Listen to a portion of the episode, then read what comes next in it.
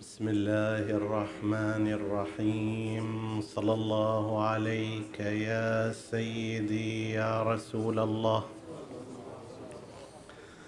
صلى الله عليك وعلى ابن عمك أمير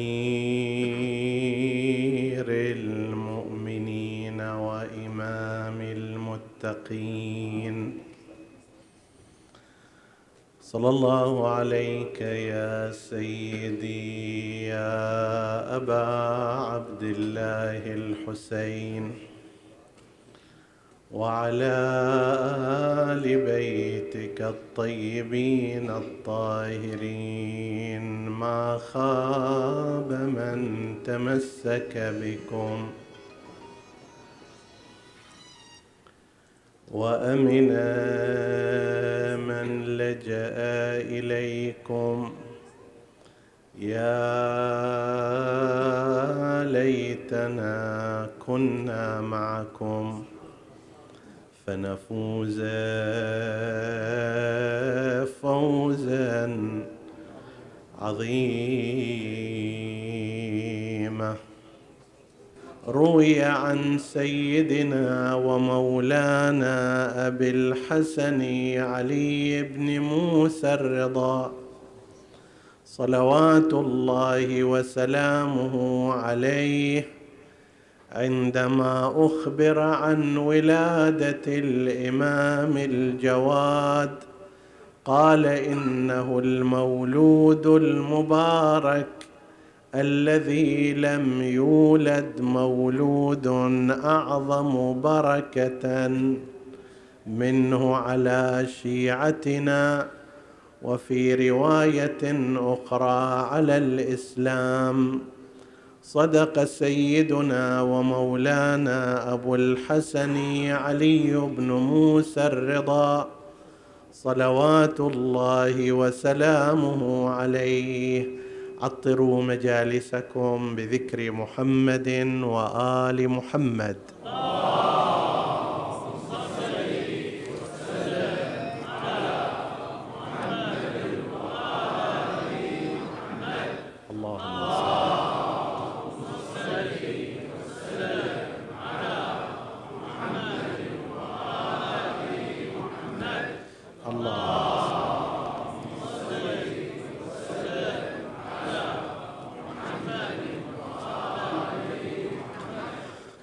حديثنا بإذن الله تعالى يتناول بعض الجوانب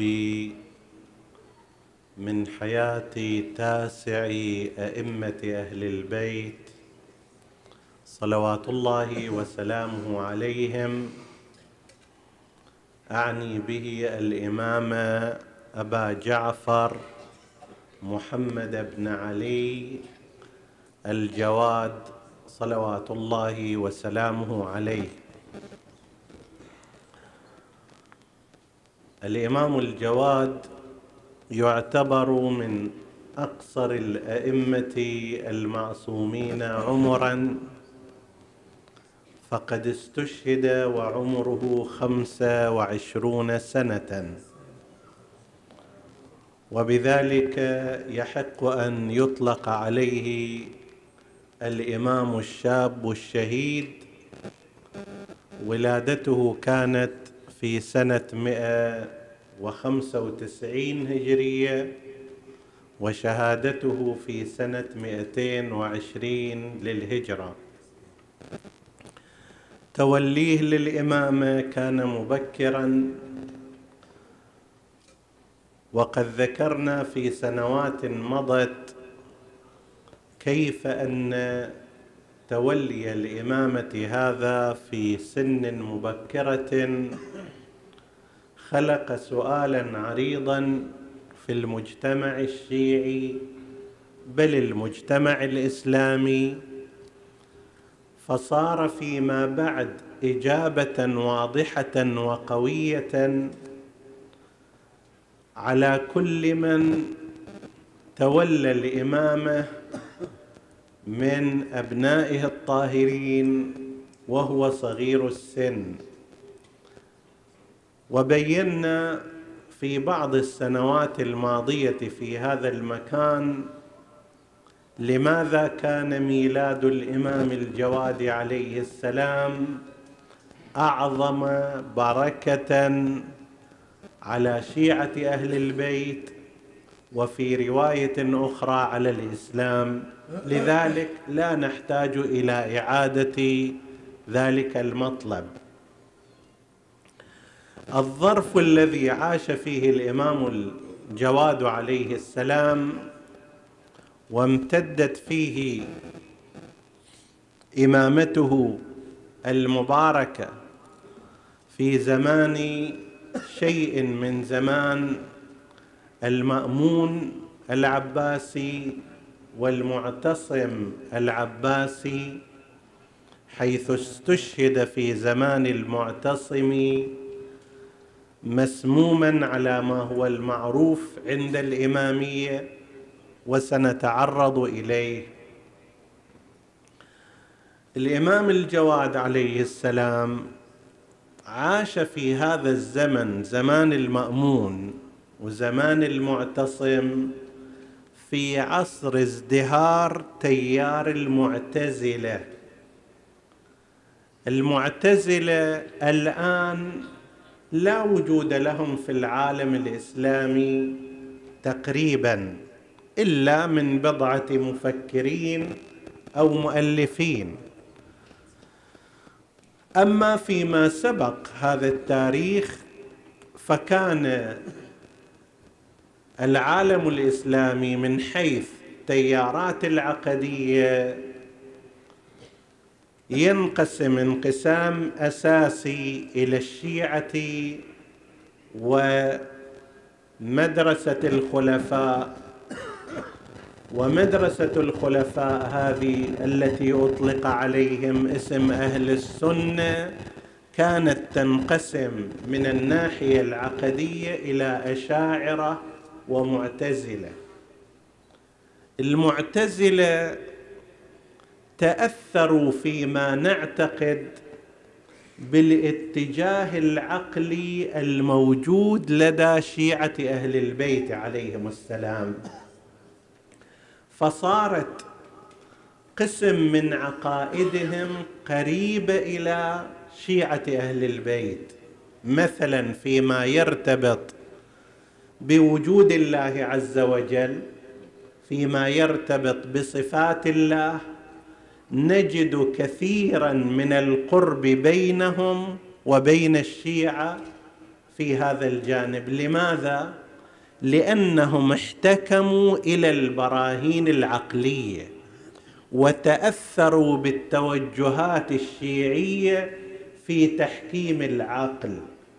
يعني مثلا إذا شافوا حديث يشير إلى أن الله ينزل يصعد يتحرك يضحك يغضب يقولوا هذا الحديث ما نقبله. لماذا؟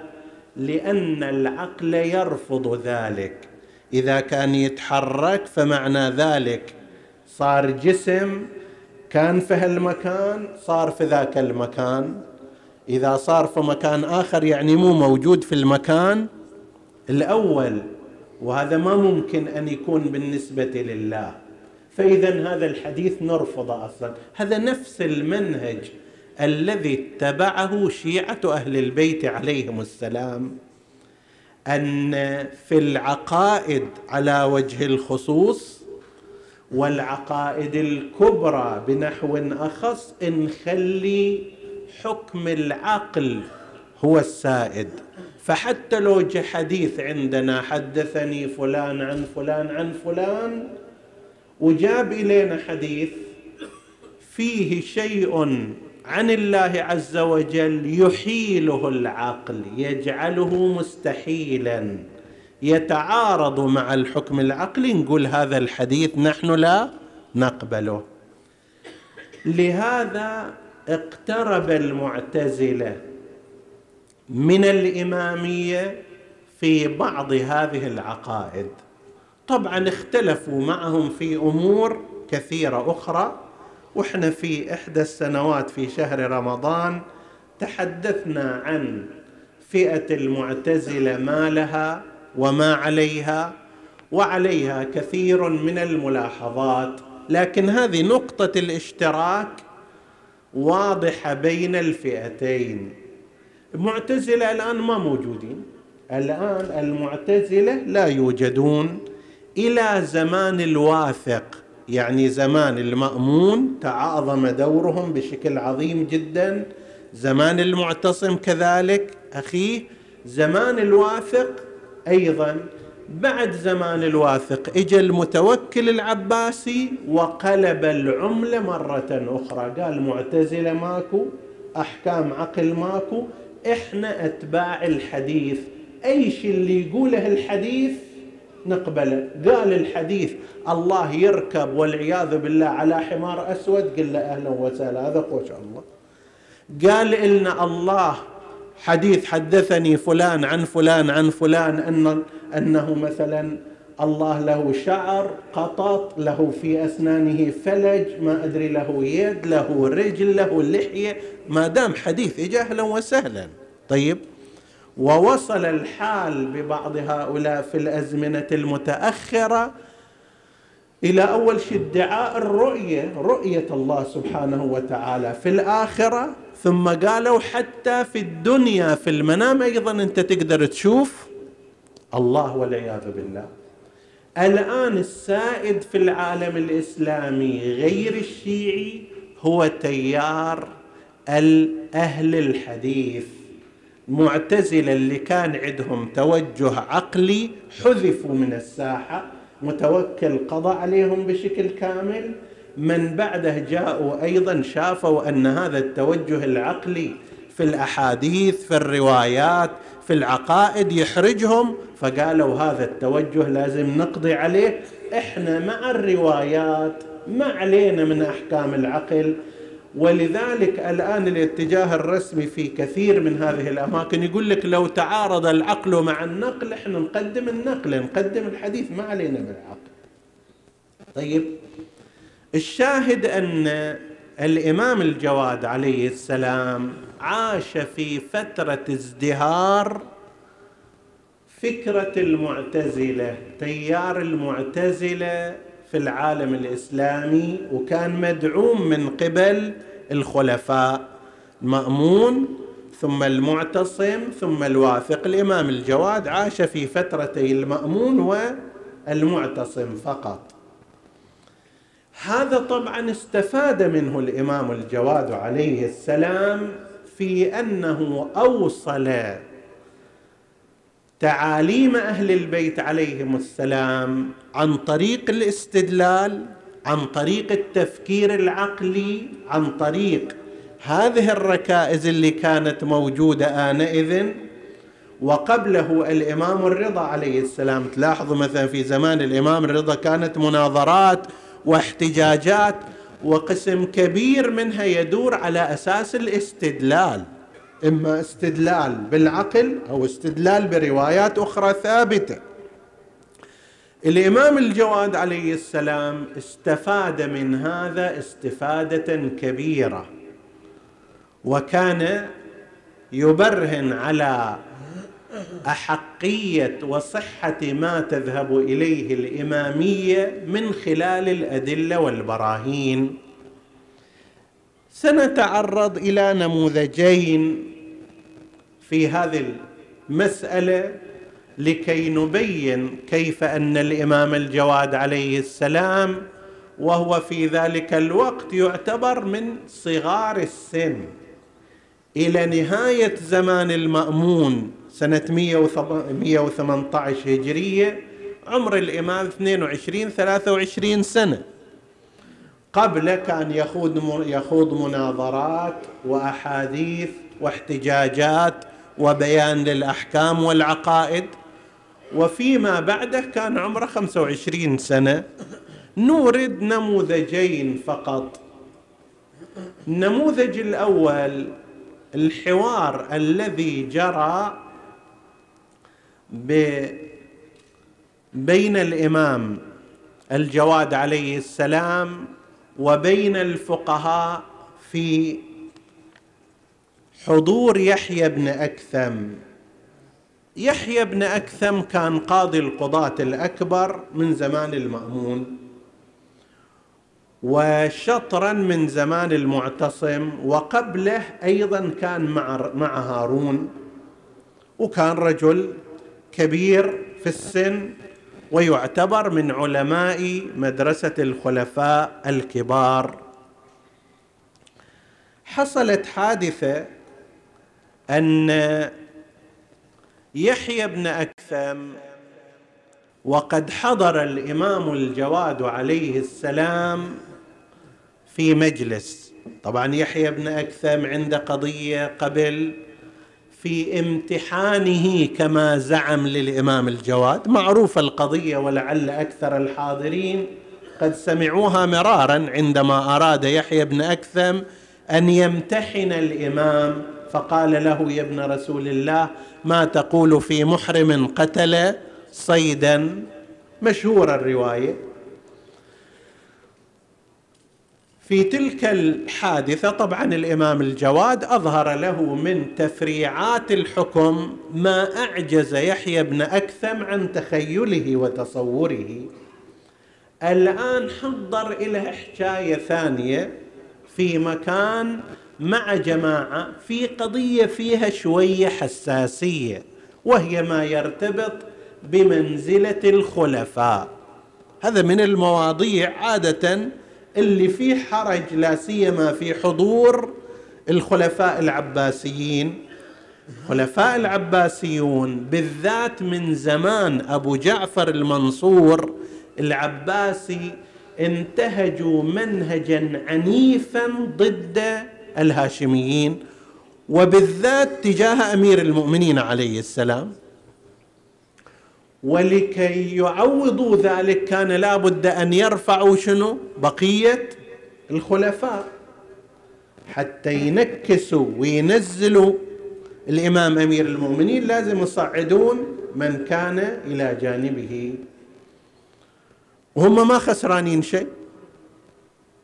يحيى بن أكثم هنا في حضور الخليفة والفقهاء وعامة العباسيين وزراء أمراء والإمام الجواد عليه السلام في ذلك الوقت يعني في العشرينات يحيى بن أكثم في ذاك الوقت هو من مواليد 160 هجرية.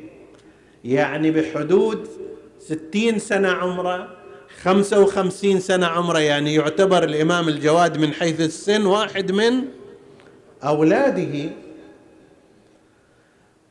فذكر يحيى بن أكثم هذه المسألة قال ما تقول يا ابن رسول الله في الخبر الذي روي أنه نزل جبرائيل على رسول الله صلى الله عليه وآله وقال يا محمد إن الله عز وجل يقرأك السلام ويقول لك سل أبا بكر هل هو عني راض فإني عنه راض. شنو رأيك في هالخبر هذا؟ هذا الخبر موجود ها. موجود في حلية الأولياء موجود في تاريخ دمشق موجود في غيره. نعم بعضهم مثل الذهبي في ميزان الاعتذال قال هو كذب. وبعضهم كابن حبان قال هو ضعيف لكنه من الروايات الموجودة في تراث المدرسة الأخرى. حاصله أنه نزل جبريل يقول للنبي أن الله يسلم عليك ويقول لك اسأل الخليفة هل هو راضي عني أو لا؟ أنا عنه راضي بس باقي عليه هو هل هو راضي لو لا. طيب. لاحظ القضية هنا الإمام مثلا ما يجيب باستهزاء ما يجيب بسخرية ما يجيب بأن السند ضعيف. وهذه النقطة المهمة التي أردت أن أشير إليها. لأن الجمع الحاضر ضمن أجواء ماذا؟ أجواء المعتزلة. وأجواء المعتزلة أجواء تطالب بالبرهان والدليل العقلي أو المستند إلى الكتاب. يقدر واحد غير الإمام يقول هذا سنده ضعيف مثل ما مثلا صاحب ميزان الاعتدال الذهبي فيما بعد قال هو حديث ضعيف. طيب وضعفه من فلان. ينهي المسألة؟ الإمام يريد شيء أبعد من هذا. فقال التفتوا إلى جهة استدلال الإمام. فقال أبو جعفر عليه السلام هذه الرواية ينقلها شيخ الطبرسي في كتاب الاحتجاج. فقال لست بمنكر فضل أبي بكر ولكن يجب على صاحب هذا الخبر أن يأخذ مثال الخبر الذي مثال الخبر الذي قاله رسول الله في حجة الوداع قد كثرت علي الكذابه وستكثر بعدي. في زمان النبي يقول الآن كثرت علي. في زمان هذا شيء لاحظ. في نفس زمانه يقول الآن كثرت علي الكذابه بعدي أيضا راح تكون شنو؟ أكثر ستكثر بعدي.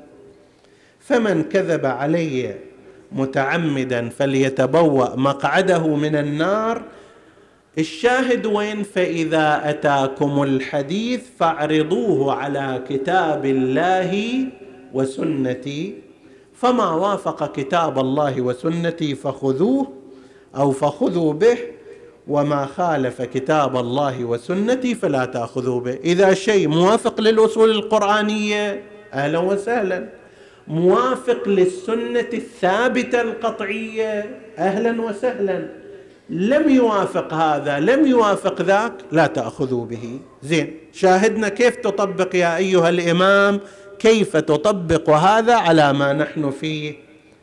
قال وليس يوافق هذا الخبر كتاب الله عز وجل. ليش؟ قال الله تعالى ولقد خلقنا الإنسان ونعلم ما توسوس به نفسه ونحن أقرب إليه من حبل الوريد. شنو معنى أن صاحب الخبر يقول عن الله أنه اسأله هو راضي عني لو ما راضي عني؟ يعني الله لا يعلم أنه هو راض أو لا؟ الله الذي يعلم ما في الصدور ما توسوس به نفسه قبل ما يظهر إلى صورة كلام. فاذا هذا الحديث لا يتفق حسب هذه الرواية مع الكتاب ومع القرآن الكريم. هذا غير منهج لما يجي مثلا صاحب كتاب ميزان الاعتدال يقول هذا الخبر ضعيف وضعفه لأجل فلان. لا حتى لو رواه كلهم ثقات. كلهم صدوقون. من نقبل هذا الكلام؟ لماذا؟ لأنه مخالف لكتاب الله. الله يقول هو يعلم بكل ما توسوس به النفوس البشرية.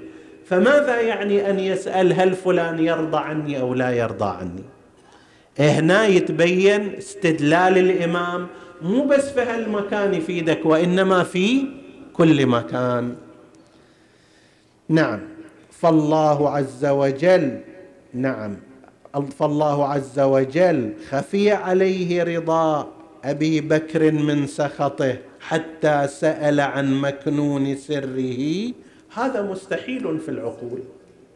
هذا كلام الإمام عليه السلام. يقول هذا أمر مستحيل. ما نحتاج بعد إلى أن نقول كما قال بعضهم هذا ترى الرواية ضعيفة أو سندها فيها إشكال أو ما شابه. ثم قال يحيى أيضا ابن أكثم وقد روي أن مثل أبي بكر وعمر في الأرض كمثل جبرائيل وميكائيل في السماء. هذا أيضا موجود في قسم من الكتب. كتاب السنة موجود في تاريخ دمشق موجود في حلية الأولياء موجود. طيب وبعضهم يستدل به. فقال عليه السلام وهذا أيضا يجب أن ينظر فيه. إحنا ما عندنا تهجم على هذا الشخص أو على ذاك الشخص. ولكن هذا الحديث عليه هذا الاعتراض. الامام عليه السلام في البداية يقول أنا ما عندي شغل في أن أنكر فضل أبي بكر أو غيره لكن هذا الحديث أو غيره من الأحاديث لا بد أن يعرض على كتاب الله وعلى سنة رسول الله. فقال وهذا أيضا يجب أن ينظر فيه.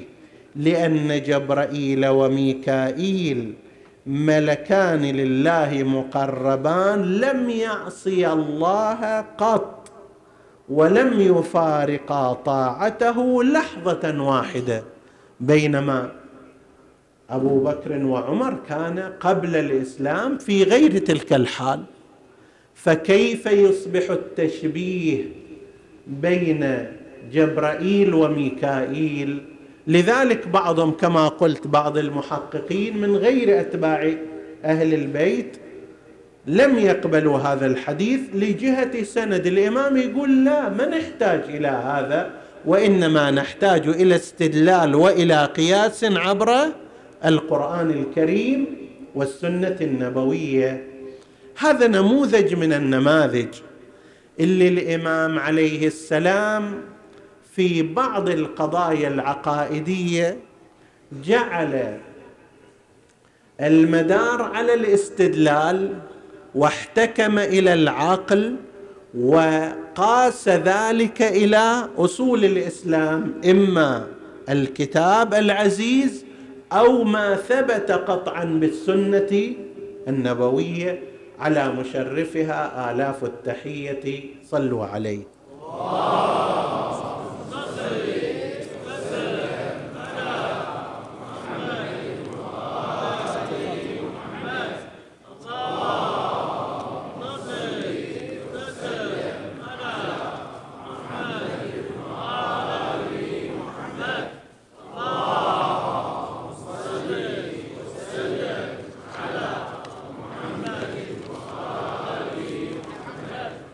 هذا في مجال العقائد. في مجال الفقه نفس الكلام الإمام سلام الله عليه أجرى نفس القاعدة استدل على ما يذهب إليه مع أنه إحنا في اعتقادنا ما يحتاج أن يستدل. تعلمون نحن لا نطالب الإمام عليه عليه السلام إذا جاء بحكم أو قضية لا نسأله ما هو دليلك.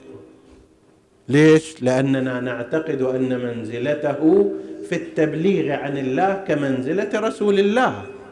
شلون أن النبي لا يمكن أن يسأله شخص لو قال له صل بهذا النحو وحج بذلك النحو ما نقدر نقول له تعال شنو الدليل على ذلك؟ لماذا أصنع هكذا؟ لا ما آتاكم الرسول فخذوه. كذلك نعتقد بالنسبة إلى أئمة الهدى نفس الاعتقاد. نعم هم صلوات الله وسلامه عليهم.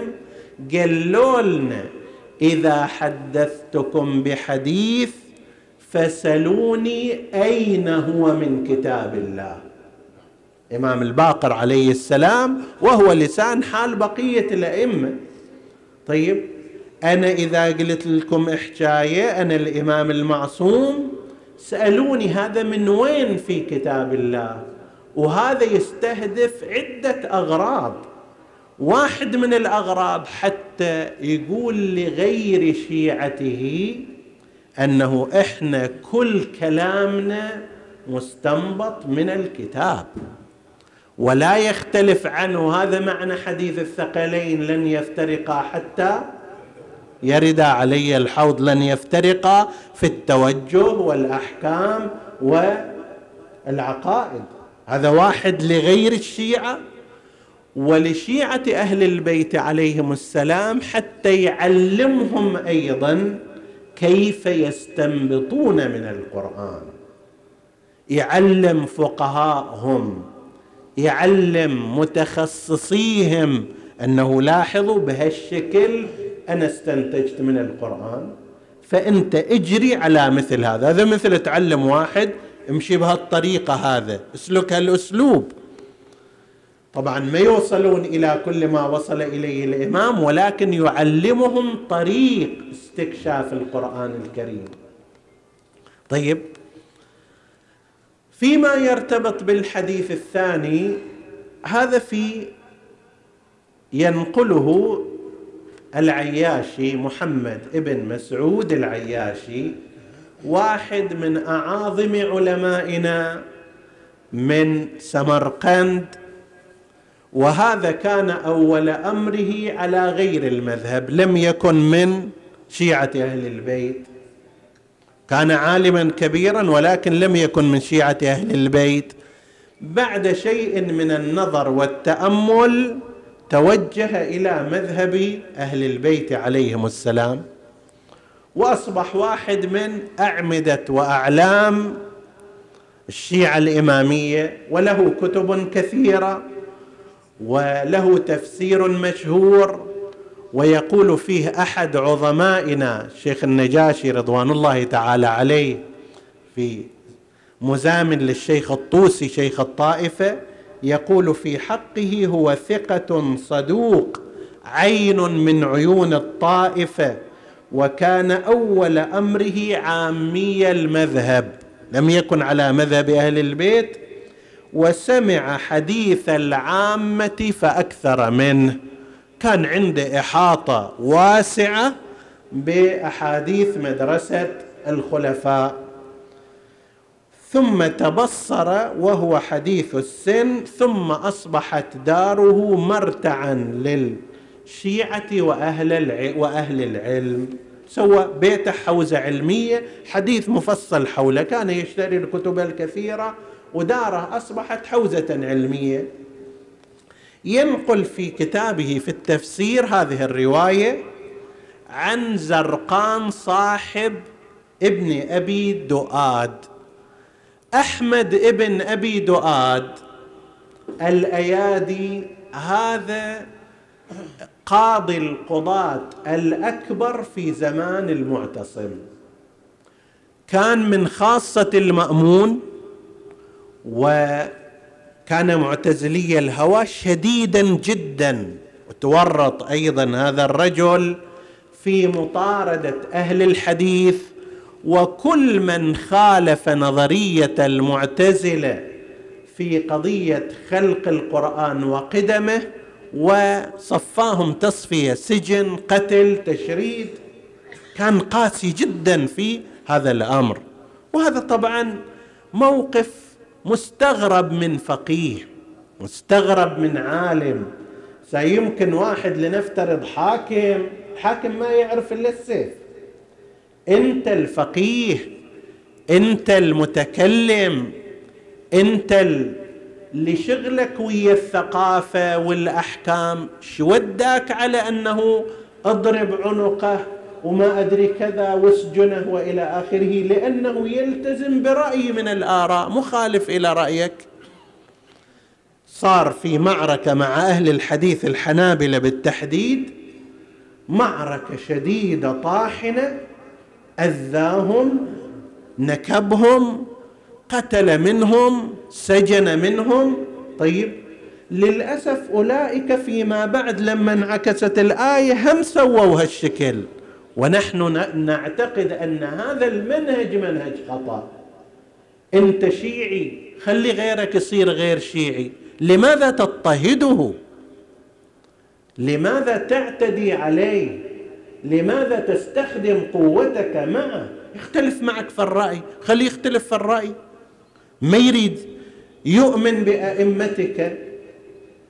وعكس ذلك انت غير شيعي عندك سلطة وعندك قوة وعندك قدرة تجي تضطهد. من يخالفك في هذا الرأي؟ وتأذيه في حياته؟ هذا منهج غلط من قبل أهل الدين أهل الفقه أهل المعرفة. انت ميدانك لازم يكون الكتاب والحجة والبرهان. ما لازم يكون ميدانك السجن والضرب والقتل والوعيد وما شابه ذلك. شاهد. فهذا أحمد ابن أبي دؤاد اختص به المعتصم إلى حد غلب عليه في كل أموره. بعضهم يقول وفتن المعتصم بابن أبي دؤاد حتى ما كان يرد له طلبا. ما يرد إلى الطلب أصلا. وكان يقول يعني المعتصم حسب تعبير المعاصرين الآن كان واصل زايد. وكان يقول فيه هذا والله الذي يتزين بمثله ويبتهج بقربه ويعد به ألوف من جنسه. إلى هالحد كان مبالغ فيه شاهد هذا؟ عنده صاحب مرافق اسمه اسمه زرقان. العياشي ينقل بسنده عن هذا يقول زرقان صاحب ابن أبي دؤاد القاضي غلامه خادمه أن القاضي ابن دؤاد رجع ذات يوم وهو مغتم شديد الغم. فقلت له في ذلك شبيك متغير؟ فأورد حادثة كان قد حضرها الإمام الجواد. المعتصم جالس ابن أبي دؤاد القاضي الأكبر جالس مجموعة من القضاة جالسون الإمام الجواد أيضا موجود.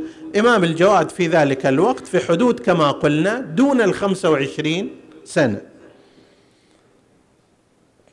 فقال إن سارقا أقر على نفسه بالسرقة وسأل الخليفة تطهيره بإقامة الحد عليه واحد سارق اجى قال يا أيها الخليفة أنا سرقت وأريد أن أتطهر من هذه الجريمة بإقامة الحد حتى يوم القيامة ما أكون مطالب بشيء. فجمع لذلك الفقهاء. معتصم جمعهم ومعهم محمد بن علي الجواد فسألنا هذا ابن أبي دؤاد يقول فسألنا عن القطع. في أي موضع يجب؟ الآن هذا يقول أنا سارق وأريد أن تطهروني بالحد. فمن وين نقطع؟ معروف أن السارق تقطع يده. والسارق والسارقة فاقطعوا أيديهم. زين اليد من هنا تسمى يد. من هنا تسمى يد من هنا تسمى يد من هنا تسمى يد. تقول للإنسان يدان ورجلان من هنا صحيح ولا لا؟ تقول أغسلوا أيديكم من المرافق يد من المرفق وأيضا اليد من الكرسوع هذا اللي يسمونه. تقول أنا ضربته بجماع يدي من هنا هذه. وأيضا هذه الأصابع تقول شنو؟ كتبت بيدي والحال أنك كتبت بأصابعك. فمن وين نقطع؟ طيب. فسال معتصم أنه من وين نقطع هذه اليد؟ فقلت ابن أبي دؤاد يقول فقلت من الكرسوع. هذا المنطقة هذا يسمى بالكرسوع. من هنا؟ ليش؟ قال لقول الله في التيمم فامسحوا بوجوهكم وأيديكم. وإحنا في التيمم نمسح من هنا. واضح؟ التيمم ما تمسح من هنا ولا من هنا وإنما من هنا من هالمنطقة. فإذا قال القرآن الكريم فامسحوا بوجوهكم وأيديكم يعني من هال فإذا نقطع يدكم من هنا هالمكان هذا رأيي أنا ابن أبي دؤاد. وقال آخرون بل يجب القطع من المرفق لآية الوضوء. زين. قال وما الدليل على ذلك؟ قال لأن الله يقول وأيديكم إلى المرافق. فالتفت المعتصم إلى محمد بن علي الجواد. صلوات الله وسلامه عليه. فقال ما تقول يا أبا جعفر؟ إيش تقول؟ فقال الإمام قد تكلم القوم. قالوا بعد أعطوك الأجوبة عن إيش عندك وياي؟ أعفني قد تكلم القوم فيه. فقال المعتصم دعني مما تكلموا به أي شيء عندك؟ إحنا سمعناهم أنت شنو عندك؟ فقال اعفني يا أمير المؤمنين. اعفني. تدري عادة فهالاماكن يصير تحاسد يصير تغالب كيف تخطئ القاضي كيف تقول كلام غير كلام يصير مشكلة. فقال المعتصم أقسمت عليك بالله لما أخبرت بما عندك. لازم تخبر وقسمي عليك بالله. فقال أما إذا أقسمت علي بالله فإني أقول لك إنهم قد أخطأوا فيه السنة. سنة رسول الله ليست هكذا. فإن القطع يجب أن يكون من مفصل الأصابع مو من الكرسوع ولا من المرفق ولا من الكتف وإنما من أطراف الأصابع. ليش؟ قال لما؟ قال لقول رسول الله محمد.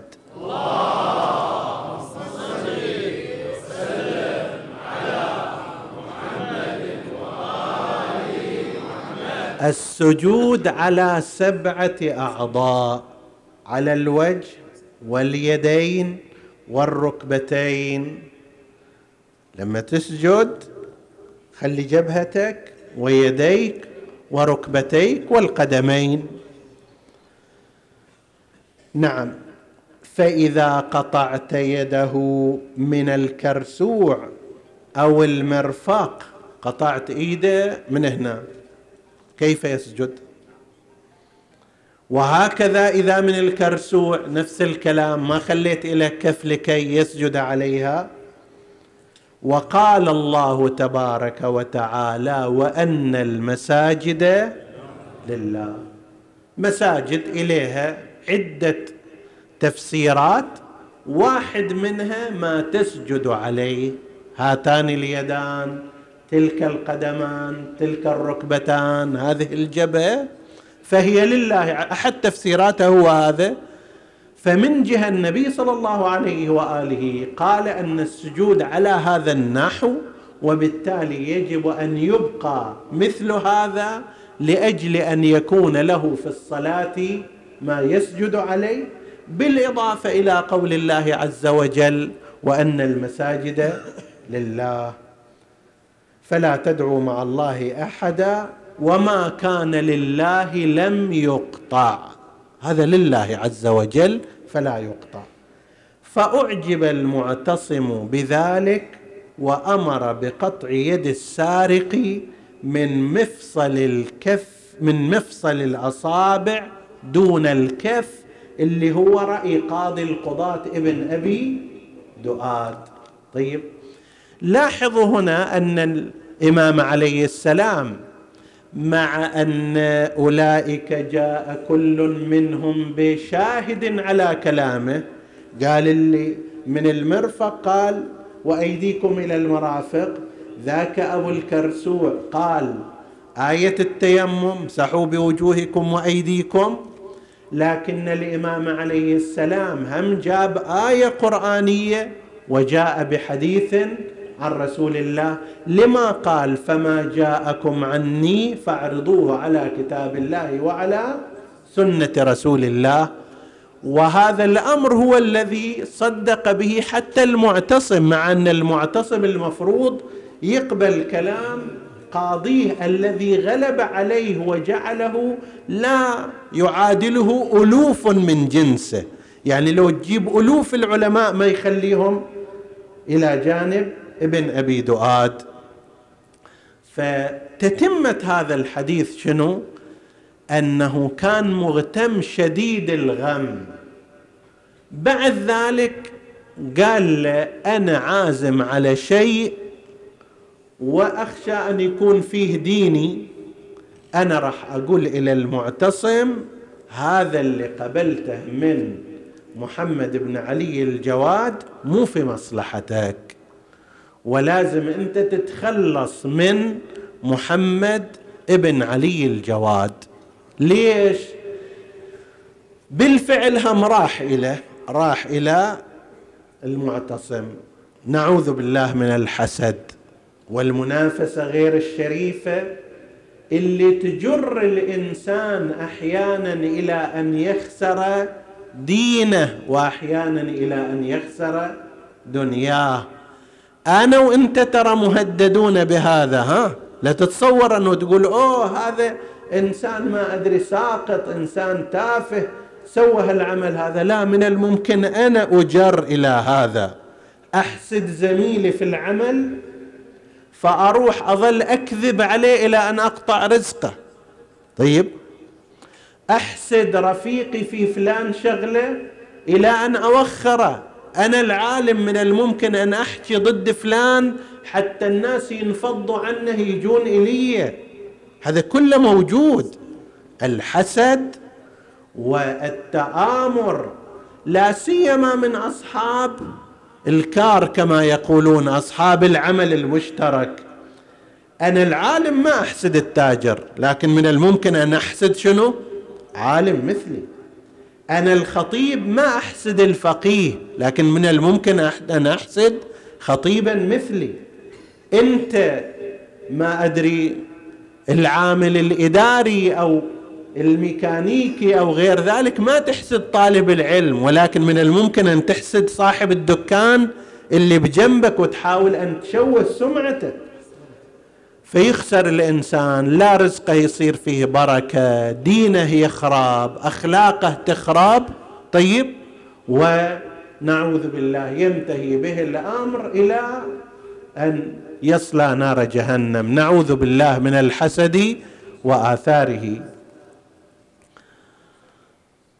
هذا ابن أبي دؤاد القاضي اللي كل شيء بإيده يعني محمد بن علي الجواد كل اللي سواه بس وضح حكم.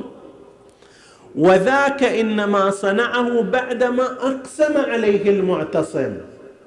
الإمام رفض في البداية أن يجيب.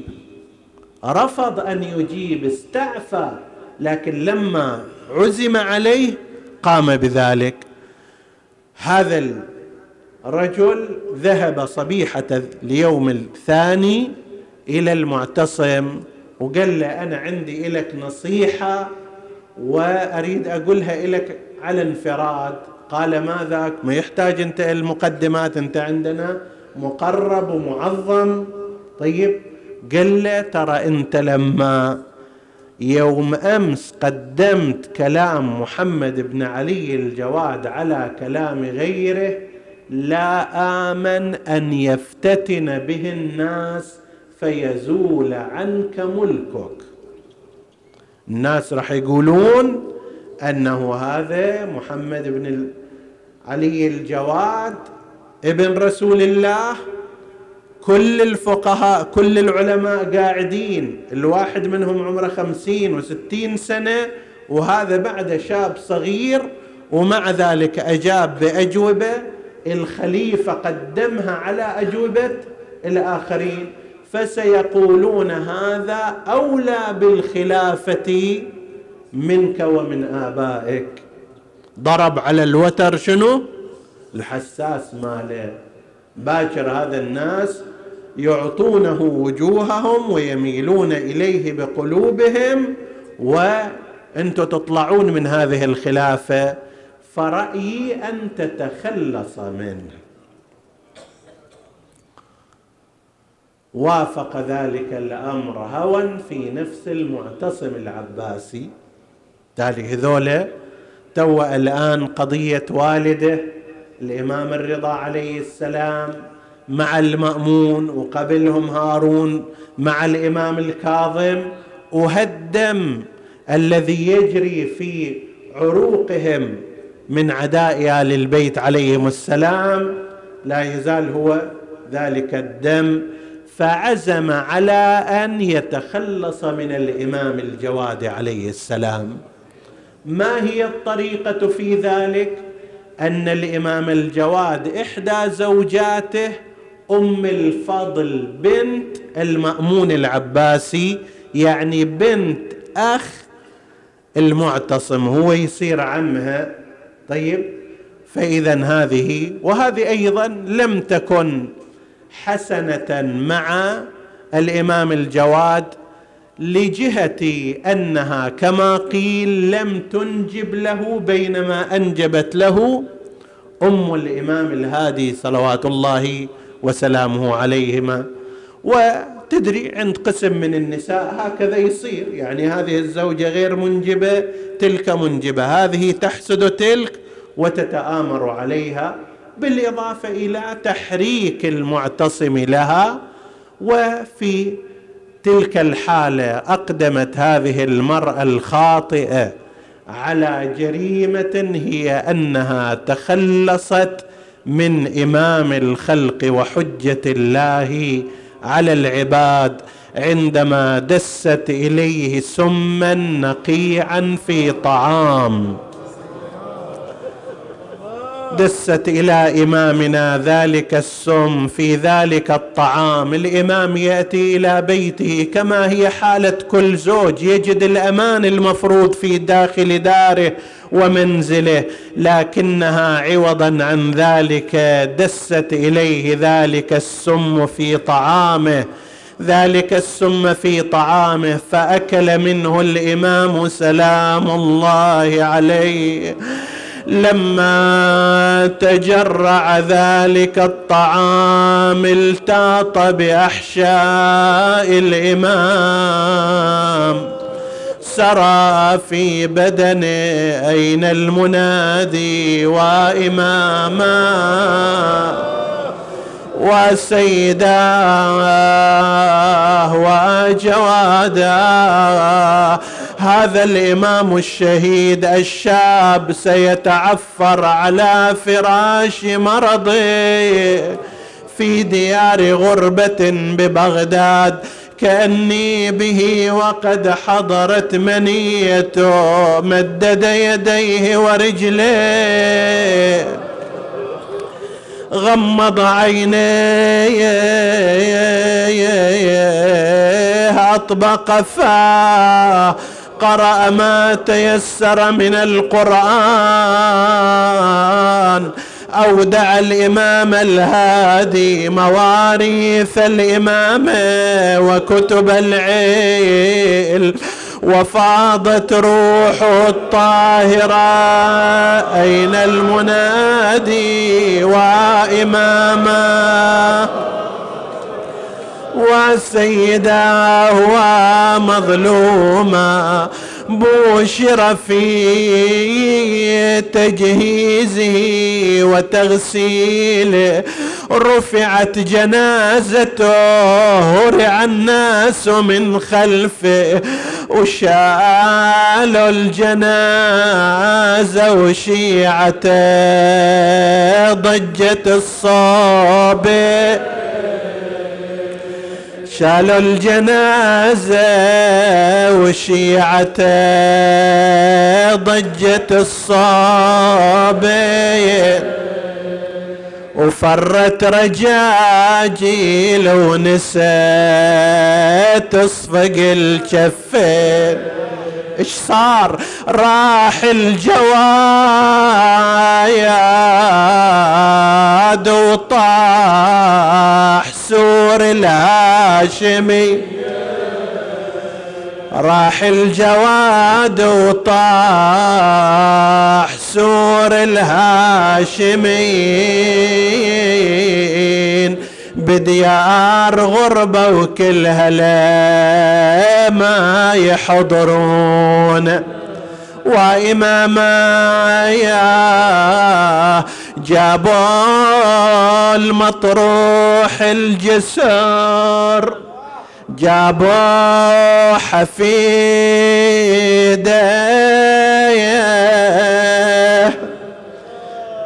جابوا المطروح الجسر جابوا حفيده.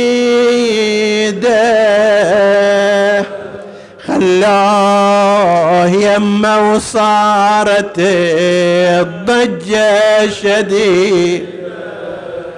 الهادي جاه ونزل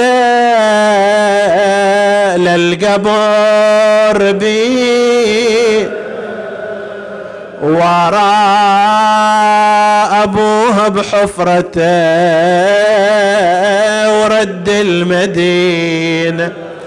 رجع إمامنا الهادي إلى مدينة جده استقبله بنو هاشم رأوا إمامهم باكي العين. ينادي وأبتاه ومسموماه ذكر الناس برجوع إمامنا زين العابدين إلى المدينة. بعدما دفن أباه الحسين في أرض كربلاء وقف على باب المدينة انتدب بشر بن حذلم قال اذهب وانعى إلى أهل المدينة والدي الحسين. دخل المدينة يا أهل يثرب لا مقام لكم بها. قتل الحسين فدمعي مدرى الجسم منه بكربلاء مضرج والرأس منه على القنايات يدار نسألك اللهم وندعوك باسمك العظيم الأعظم الأعز الأجل الأكرم يا الله. اغفر لنا ذنوبنا كفر عنا سيئاتنا. آمنا في أوطاننا لا تسلط علينا. من لا يخافك ولا يرحمنا ولا تفرق بيننا وبين محمد وآله طرفة عين. احفظ اللهم إخواني الحاضرين فردا فردا واقض حوائجهم. اشف اللهم مرضاهم. من أوصانا بالدعاء في حاجة اللهم اقضها يا قاضي الحاجات. وتقبل اللهم عمل المؤسسين بأحسن القبول إلى أرواح موتاهم وموتى السامعين. نهدي ثواب الفاتحة تسبقها الصلوات.